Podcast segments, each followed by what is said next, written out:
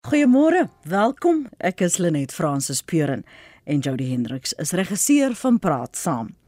Kerkleiers het gewaarsku dat die voortsleepende konflik tussen Rusland en die Oekraïne 'n verwoestende uitwerking op sosio-ekonomiese toestande wêreldwyd sal hê. Kerkleiers het 'n gebedsdiens van die KwaZulu-Natalse Christelike Raad in Pietermaritzburg bygewoon en die Verenigde Nasies se kommissaris vir menseregte het vroeër gesê meer as 'n miljoen mense het reeds uit die Oekraïne gevlug en honderde burgerlikes is dood sedert Rusland die Oekraïne op 24 Februarie binnegeval het.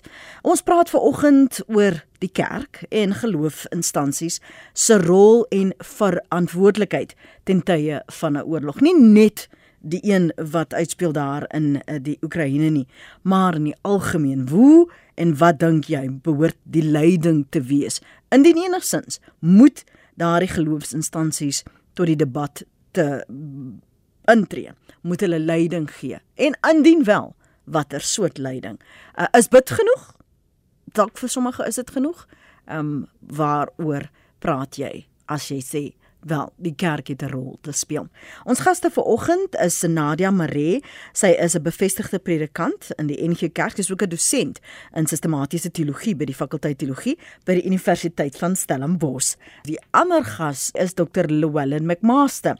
Hy's predikant van die VGK gemeente daar in Belhar waar dit gestig is. Hy's ook moderator van die Kaaplandse streeksynode van die kerk. Baie dankie aan vir albei van julle se beskikbaarheid.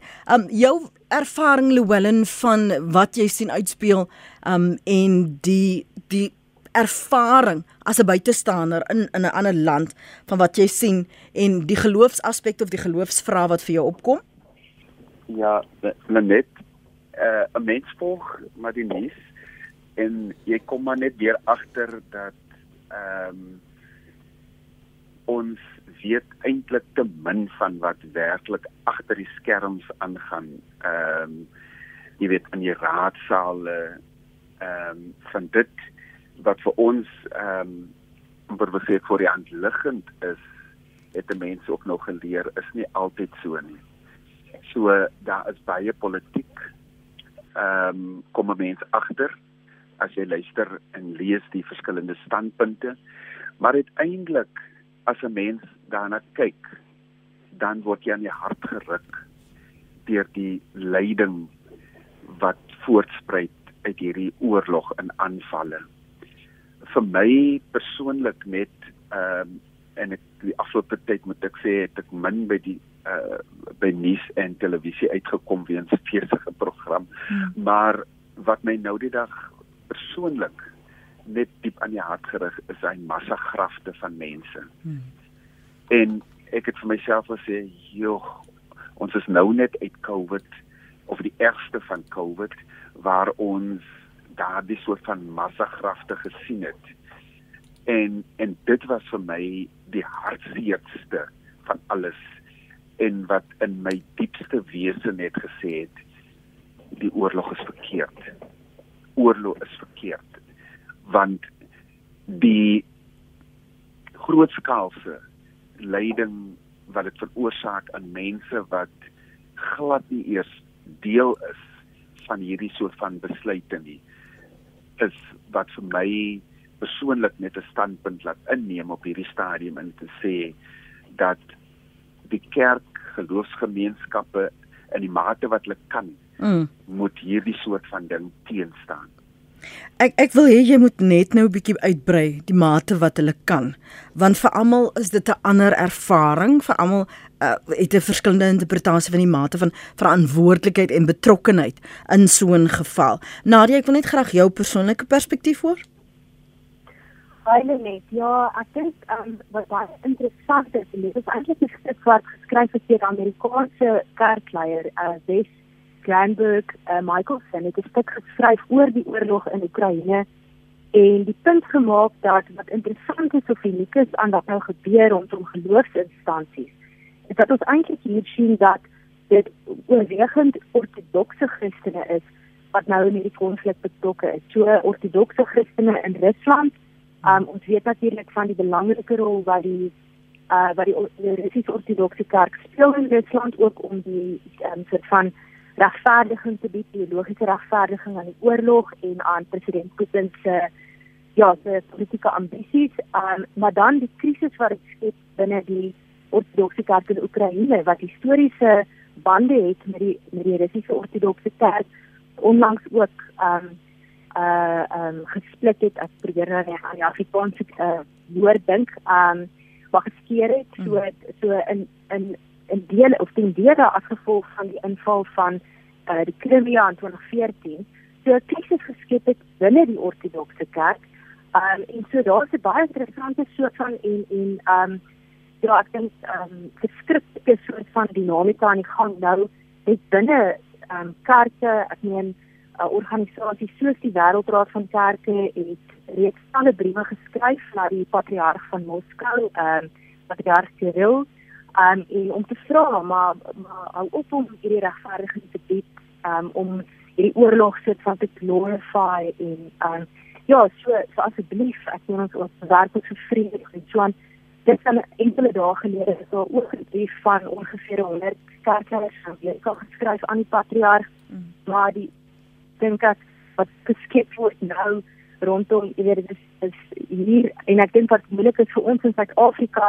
dalk ook so Lualen Tracks reg gesê um, om ietsie van te verstaan as net wat jy buite die konflik staan maar ook wat um, ek self byvoorbeeld buite die tradisie ook staan jy weet as 'n as iemand wat gereformeerd is of 'n gereformeerde tradisie staan so so daar is definitief 'n wat dit maak van die prikkeltjies ook 'n religieuse dimensie aan hierdie konflik.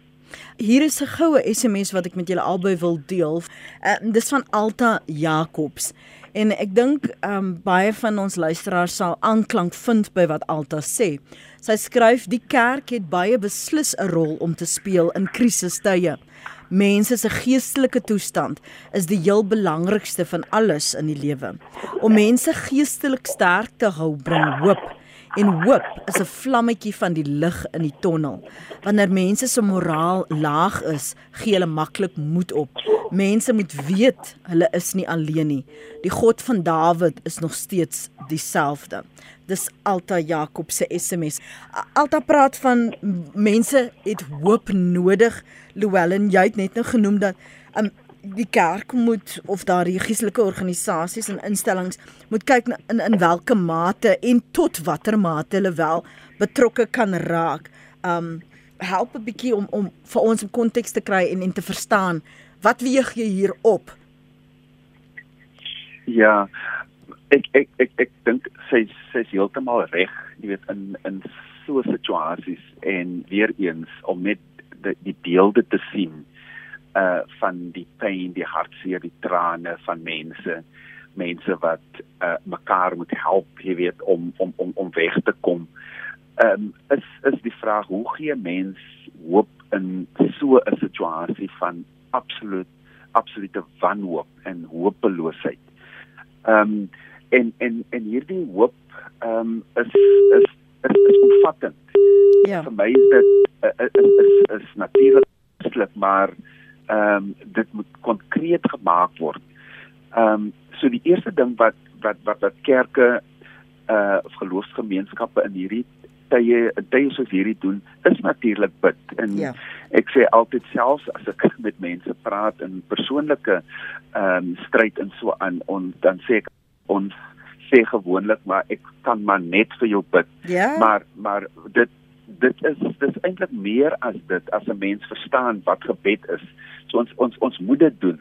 Maar ons moet ook uh, bereid wees om om saam te werk met ander organisasies om te kyk hoe kan ons, jy weet, op op konkrete maniere mobiliseer.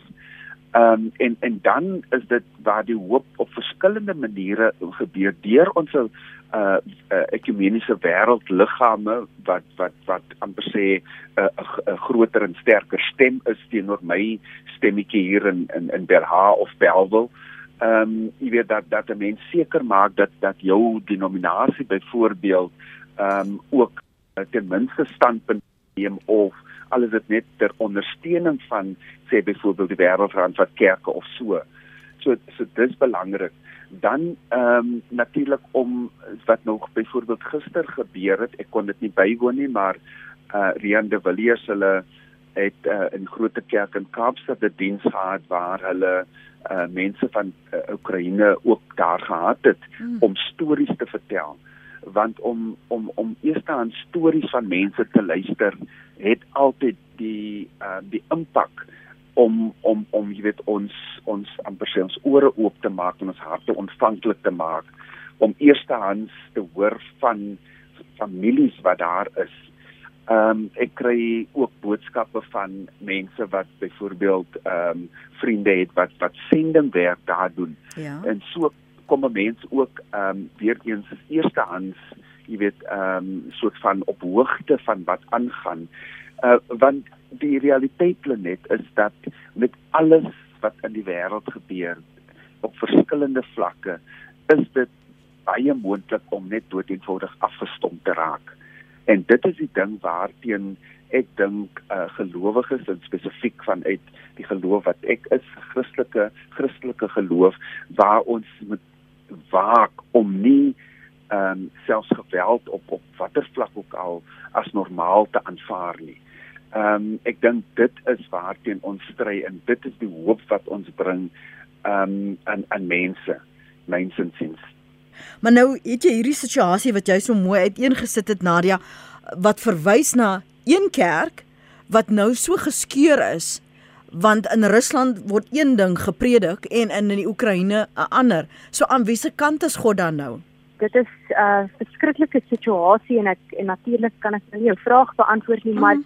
Maar maar um, bloot net hoe hoe geloof ingespan word as 'n as 'n wapen ook. Ek meen aan die een kant die soort van vaderland politiek, die ondersteuning van nasionalisme wat ek dink in 'n sekere sin um moet ons ook nie te veel meer sien daarop nie want dit presies natuurlik wat in Suid-Afrika ook gebeur het dat kerke en gelowe ingespan is en en gewilliglik dan ook deelgeneem het um aan hierdie soort van die die die um opkoms van Afrikaner nasionalisme. So um so so dit aan die een kant dat dat geloof hierdie um so 'n agtige en gevaarlike rol speel, maar dan aan die ander kant dink ek ook iets van die dat daar nie net een sentiment is nie, maar ook pushback dat daar ook um teenkante is vanuit die Oekraïne, maar ook vanuit Rusland. Ek dink die van die stories wat ons ook sien dat dat dit Russe is, um burgers van Rusland en ook uh, uh lidmate van die ortodokse kerk wat hulle teenstem laat hoor en sê nie in ons naam nie, nie namens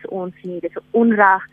Um so so ek dink op 'n sekere manier is daar ook dan ook nie net een verhaal nie, maar hierdie soort van veelheid van verhale. Um ja, wat ook tog eg menslik is. Ek dink en iets wat met ons kan resoneer in Suid-Afrika as ons dink oor ons eie geskiedenis en die geskiedenis of die rol van die kerk en geloof um, binne ons geskiedenis. Gert sê, Lenet en gaste, God is net aan die kant van die waarheid. Um, en dan sê 'n ander een, waar was die kerk toe Amerika, Irak en Afghanistan gebom het? En waar is die kerk as Israel Gaza bom? Dis Walid van Kaapstad wat so sê. Anna sê in Suid-Afrika se oorlogjaar gelede is kerkgeboue waar mense in gebed, ondersteuning en moed gekry het. Dis Anna se SMS daardie. Um dis hartverskeurend skryf vir ander luisteraar. Ek het gou hier voor vooraan sig sien. Ons lewe in 'n baie siek wêreld en Suid-Afrika, ek lees die hele tyd toe ons medeburgers en sogenaamde ekstreme Christelikes hulle verlekker in hierdie oorlog. Putin word aangemoedig deur mense om vinniger deur die Oekraïne te hardloop. Ek sit en kyk hoe ou mense en babas in die koue oor die rivier gedra word. Dit is hartverskeurende. Ek weet nie waar die kerk staan nie want nes COVID word Openbaring en Daniël se profesie profesie bestudeer. OK. En hier's nou nie 'n naam by dit nie, maar uh, wat met COVID wat kerke toegemaak het, het baie mense waarde van die kerk verloor. Ons hoor baie van ons het nie die kerk nodig nie, maar nou kan ons weer kerk wees, vir mekaar bid, mekaar ondersteun. Ons het verseker kerk nodig moenie wag vir oorlog om te besef hoe belangrik die kerk is nie. En daar is 'n naam. Dit is Ronel se SMS daarin. Nou hier is van die stempels wat ons intussen ontvang het. Uh goeiemôre Pieter Oulman. Uh Lowenstein Belwel. Ehm um, die kerk sal nooit afsydig kan staan uh teen so onmenslike oorlog soos wat nou gevoer word in die Oekraïne nie. Nie dat ek dink enige oorlog is goed nie, maar spesiaal die oorlog wat nou gevoer word in Oekraïne, Oekraïne waar daar soveel Christene is wat ons gebede dringend nodig het en daarom sal ek voorstander wees dat die kerk die Oekraïne met alle mag ondersteun. Goeiemôre Lenet en jou gaste.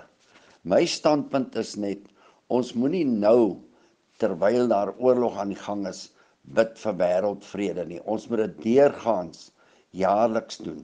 Elke dag, elke dag moet ons bid vir die wêreld en sy leiers dat die Here ook in hulle harte kom in die regte besluite neem om nou te vra vir bid. Dit is nie te laat nie, dit is nooit te laat om te bid nie, maar ons moet deurgaans bid vir die wêreld vir vrede en vir kalmte en veral vir geweld wat ook hier in ons land plaasvind tussen verskillende groepe en vroue geweld teen die vrouens en daai tipe van dinge. Ons moet reg deur bid. Ons moet nie net een dag of eenmal 'n jaar hierdie ding in oënskou neem nie. Ons moet dit reg deur die jaar doen. Lekker dag vir julle en baie dankie vir 'n interessante program. Gert Stander daar. Goeiemôre. Ek dink is waar wat altyd sê die kerk is daar om na mense se geestelike behoeftes om te sien. Wat ek wel ironies vind is dat die kerk is nie net op 'n Sondagoggend uh een of dalk twee dienste nie. Die kerk is aktief en betrokke 24 ure 7 dae week. Maar die ironie is dat die kerk word nie toegelaat om die kerk te wees nie omdat ek haal my hoed af vir predikante wat nie meer die woord van die Here mag verkondig nie. In skole mag jy nie meer ehm um, wat noem hulle dit nou assembly hou nie. Jy mag nie meer bid in die klasse nie. So dan moet die kerk sy bek hou. Die kerk mag niks sê wanneer dit by moraliteit kom en ehm um, jy weet uh, geestelike waardes lewe verskoning volgens die woord van God nie. Maar sodra daar behoeftes is jy weet finansiële behoeftes dan waar is die kerk nou skielik? Dan moet die kerk al die toebroodjies maak en die sopkombuise oopmaak. Maar jy mag nie die kerk wees andersins nie. Die kerk is daar om na mense se geestelike behoeftes eerstens om te sien en wanneer almal broers en susters in die kerk is dan sê die woord sal ons aan ons liefde vir mekaar uh herken word. Natuurlik wil ons lief hê vir almal, maar dan moet ons almal die geleentheid gegee word om die kerk aktief te beleef en uit te leef, ons Christen geloof uit te leef die hele week, nie net op 'n Sondagoggend of wanneer daar 'n krisis is nie. Jou indrukke van wat ons luisteraars daar sê Nadia, en dan laat ons stil staan ook wat Pieter sê kan nie die kerk kan nie afsydig staan nie. Geloofsinstansies kan nie afsydig wees nie. Ja, net en ek ek stem absoluut saam met nie en ek dink ehm um, die die kerk se roeping is om vredemakers te wees. Ek meen ek dink aan daai teksgedeelte geseend die vredemakers want hulle sal kinders van God genoem word. Die hartseer ding is dat ek dink soveel keer word ehm um, die beskrywing van Karl Marx geloof as die opium van die massas mm. word geloof so gebruik, jy weet, en as 'n manier om mense uh, stil te hou, te probeer kalmeer, eintlik op 'n manier te bedwelm. En so ek dink die die beywerings en die werk vir vrede is harde werk. Dit ek dink nie dit is 'n werk wat net vir mense moet sê maar um bly stil, val in. Um ek meen die regering is deur God aangestel, so moenie kritiseer nie. Um moenie ja, soort van um teenkant wanneer daar wegplaas nie. Um ek sê dit dan een kan dink ek is, is hierdie roeping absoluut ek sien saam daarmee dat dat in hierdie geval um is dit eintlik ondenkbaar om nie aan die kant van die pryse te staan nie. Uh veral as mens nou die beeldmateriaal nie sien en, en so voort. Um so dit aan die een kant, ek dink aan die ander kant jy het vroeër ook gevra aan die kant staan God. Um nou ek meen in in Suid-Afrika het ons ek dink 'n baie sterk teologiese tradisie, 'n beleidende tradisie waarin ons in die woorde van die Bellaar belydenis sê God is aan die kant van die onderdruktes, van die weerloses. Uh, stem wat nie vir self uh, kan opstaan nie. So ek dink uh, binne ons eie land dink ek het ons het ons uh, alreeds hierdie soort van geskenke um en hierdie hierdie soort van geloofsbelijdenisse wat ons op 'n manier ook um behoort te help om perspektief te kry op hierdie op hierdie um konflik. Maar ek sê dit baie versigtig want ek stem ook saam met Joanne en wat jy wel vroeër gesê het dat ons is nie uh ons is nie landsburgers van die Oekraïne nie en um ons praat eintlik van buite af uh ook. So op grond van dit wat ons sien um maar op grond ook van van dat tradisie en ek dink ons tekste praat oor oor die rol van die kerk en oor oor die werk vir die kerk verrig in die wêreld. Um is dit ondenkbaar om te dink dat enigiets anders as vrede en liefde 'n hoër prioriteit kan geniet. Ja, die rede hoekom ek gevra het in in wie aan wie se kant staan God dan is dat in my perspektief dink ek as jy in die Oekraïne sit of jy sit in Rusland en jy was nog 'n susterkerk, jy is deel van hierdie moederliggaam en nou word daar aan die een kant net so oor die grens een waarheid verkondig terwyl jy weet dit is wat ons aangehang het dit is wat ons gebind het. En nou word daardie deuntjie anders gestel. Dan dan vra jy jouself af is is dit my broer? Is dit my suster is dit nog dieselfde God? Um en ek dink dit dit se werklikheid het baie ervaar ongeag in watter oorlog hulle is of hoe hulle glo. Maar ek wil terugkeer na die feit dat jy nie afsydig kan staan nie, want kerkwees of geloofsinstansies Louwelen is 'n integrale deel van die gemeenskap en in tye van oorlog is die kerk die, die sogenaamde vesting waarheen mense vlug want hulle voel ten minste gaan ons daar veilig wees. Ten minste gaan dit nie 'n teken wees nie want daar is 'n mate van 'n uh, on verstaan dat's dat's dat's 'n respek vir wat dit verteenwoordig. Ja inderdaad. Ehm um, ek het ook uh, opgetel toe Pieter gepraat het oor die kerk kan nie afsydig staan nie. En en en dit is baie waar, maar maar terwyl ons so praat en, en luister na mekaar uh, kom die besef maar net weer met op die die werklikheid is dat oor die eeue heen was daar nooit net een stem in die kerk nie.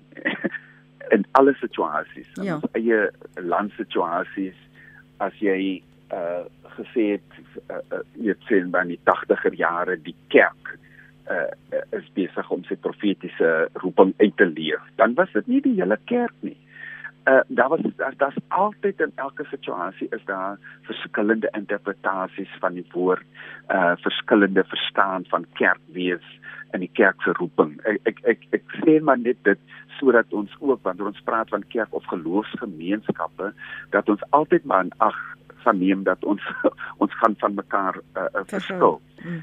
Maar die die kerk en en en en en my verstaan uh, uh, in in in in diepte en en waarmee ek met oortuiging leef is inderdaad 'n kerk wat in Jesus se eie woorde die lig vir die wêreld en die sout van die aarde moet wees. En en en dit was nog altyd ehm um, van die skrifgedeeltes wat my ehm um, jy weet in daar as jonger aktivis so motiveer het om nie maar net te sit jy weet en en en te bid nie, maar om bid en doen ehm um, of soos ons ook altyd in die kerk preek, nie net hoorders van die woord maar ook daders te word. Hmm. Dit dit was nog altyd my oortuiging en ek dink daar's genoeg ehm um, uh getuienis vanuit die Bybel wat dit wat dit vir ons sê. Daarom dis ons kan nooit afsydig staan nie. Want daar's daar's 'n paar beginsels wat die wat wat wat ons neem vanuit uit ons geloof in in in in die een is die beginsel van geregtigheid. En dit beteken ons ons gaan moet soek na na na wat regte waar anders ja. in 'n situasie dat ons met ehm um, met met met met met, met dus jy weet die waarheid sal sal sal uh, uh, verkondig ook al beteken dit dat 'n mens soms teen die maghebbers uh uh uh of die dominante siening soms moet standpunt inneem. Die die die kwessie van die heiligheid van die lewe is vir ons as as as geloofsgemeenskap as kerk belangrik as ons dan dink dat ons lees van 'n God aan die begin wat die mens na sy beeld geskaap het. En en en dis hoekom vir my ook die kerk nie eers met vra maar wat is die geloof van die mense? Jy weet, en wat ja. is die nominasie ja. of geloof behoort hulle voordat jy jou hand uitsteek nie. Ek dink dit is dit is uh, vir my 'n valse vir vir vir om veronderstelling want Genesis 1 in 'n sin is selfs vir Christene dan nog voordat die nominasies en gelowe en wat ook al ingekom het, het God die mens gemaak na sy beeld. Daar's 'n heiligheid in die lewe. En en en en die derde uh, ding vir vir ons is natuurlik om uh, die die die soeke na vrede. Uh Nadia juist verwys ons is geroep om vredemakers te wees. Maar hy vrede is is is is weer eens ook 'n uh, 'n vrede wat gepaard gaan met geregtigheid.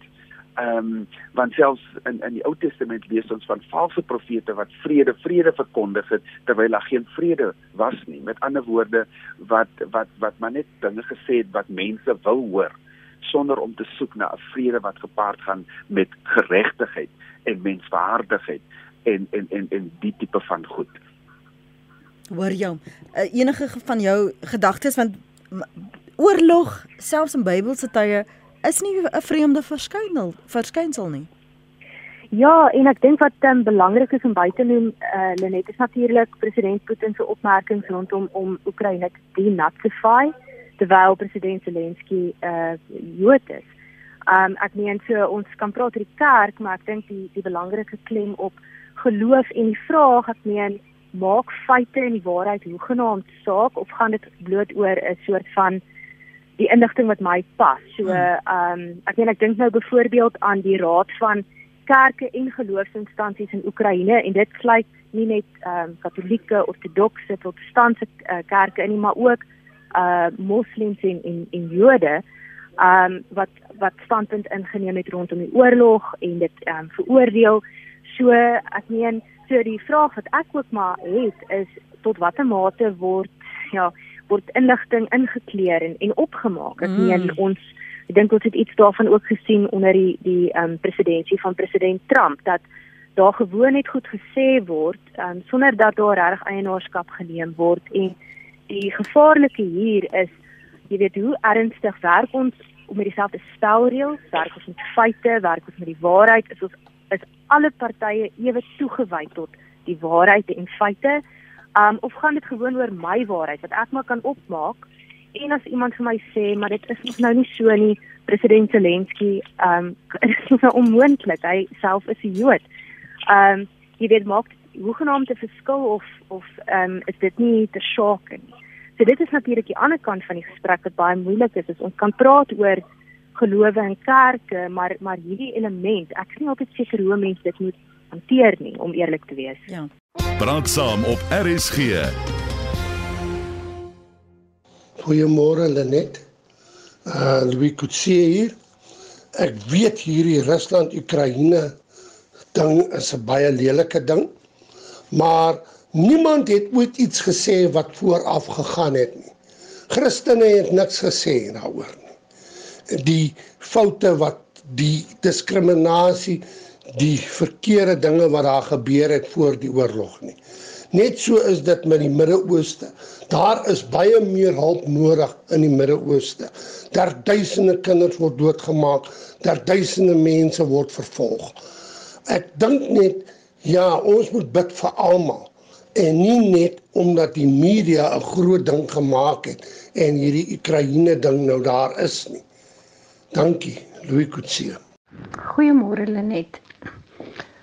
Ek luister so na jou program vanmôre en dan wonder ek of al hierdie mense wat die kerk so kritiseer en al die mense wat sê die kerk moet dit en die kerk moet dat weet wat die kerk is. Onthou as jy 'n gelowige is en jy's deel van 'n kerk, dis nie die gebou nie. Jy is die kerk. Jy as mens is die kerk. En as jy sê die kerk moet dit doen of die kerk moet dat doen en waar is die kerk, dan vra ek vir jou, Waar is jy? Ene Shane Claiborne het 'n boek geskrywe oor die oor Jesus en hy het gesê we decided to stop complaining about the church we saw and we set our hearts on becoming the church we dreamed of. Dalk is dit wat die kerk moet doen in hierdie tyd. Lenet, al wat ek kan sê is God sal self besluit. Hy is nog in beheer en al wat ons moet doen is bid vir wysheid. Want as jy nie wysheid het nie, gaan jy absoluut nêrens kom nie. So die wysheid is wat ons voor moet bid. Dis al. Dankie. Hier is nog twee SMS'e wat aansluit by wat ons luisteraars sopas gesê het. Um een is anoniem wat sê Napoleon het gesê God is aan die kant van die land met die beste kanonne. Hy was reg. Nou is God aan die kant van Amerika. Ernest Dean in Crawford in die Kaap skryf: Daar is geen manier hoe die moderne kerk ooit sal of kan betrokke raak by die konflik nie. As die kerk nie eers die wil en die moed het om betrokke te raak by konflik in gesinne, huwelike en gemeenskappe nie, dan is ek bevrees hierdie gesprek is 'n verkwisting van tyd. Moet ook nie die geskiedenis van ons land vergeet nie en dat die kerk ongelukkig nie apart staan van die regering van die dag nie. Die kerk het inderdaad in my beskeie mening, sê Ernest, 'n instrument van die regering geword. Jou reaksie daarop en op die stempos Dr. Llewellyn McMaster? Ehm um, net weer eens uh, in aansluiting by uh, punt wat ek uh, net so rukkie tevore gemaak het. Ehm um, ek dink ons ons ons ons sal 'n fout maak om te dink die kerk is een homogene groep. Mm. Uh dat hy een stem is.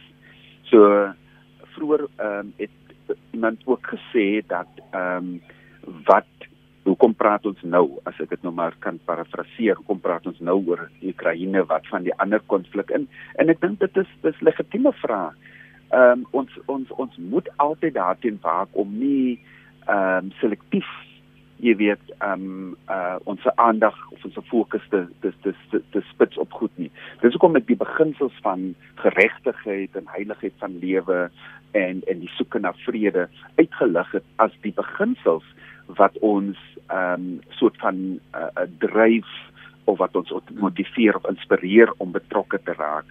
Ehm um, ek dink uh, dit dit sal egter ook verkeerd wees om om goed nou teenoor mekaar te stel om te sê ons moenie nou praat oor Oekraïne uh as ons nou niks oor ehm um, gesinsgeweld en en en en geslagsgeweld uh, goed sê nie. Weereens en dit is dit is my persoonlike sta uh, uh, siening. Dit was nog altyd hoe ek die woord verstaan verkondig het uh in my eie betrokkeheid nog steeds in in in in bepaalde goed is dat ons gelyktydig aan aan aan aan goed op 'n uh, noem dit nou maar 'n mikro makro wat se vlak jy dit ook al maar dis gelyktydig. Dis nie dat die kerk nou moet ons eers hier aan aandag gee dan bly ons stil nie maar wat die kerk kan help natuurlik wanneer die kerke of geloofsgemeenskappe se lede baie meer betrokke raak. Dit gaan maak dat ek wil amper sê die invloedsfeer in die rykwyte van wat die kerk kan doen, ehm um, baie breër en verder sal strek.